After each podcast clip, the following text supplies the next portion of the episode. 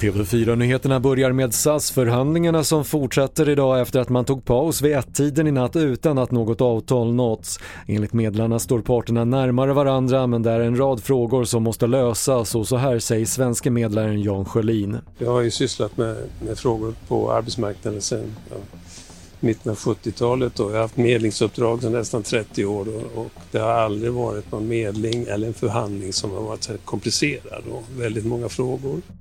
En man fördes till sjukhus med allvarliga skador efter att ha fallit från en lägenhet i Vårby söder om Stockholm strax efter midnatt. Polisen som har inlett en förundersökning om mordförsök grep fyra män på plats. Och Italiens premiärminister Mario Draghi vill avgå men president Sergio Mattarella vägrar att acceptera hans avskedsansökan. Istället uppmanar han Draghi att vända sig till parlamentets båda kammare nästa vecka för att lösa den politiska krisen.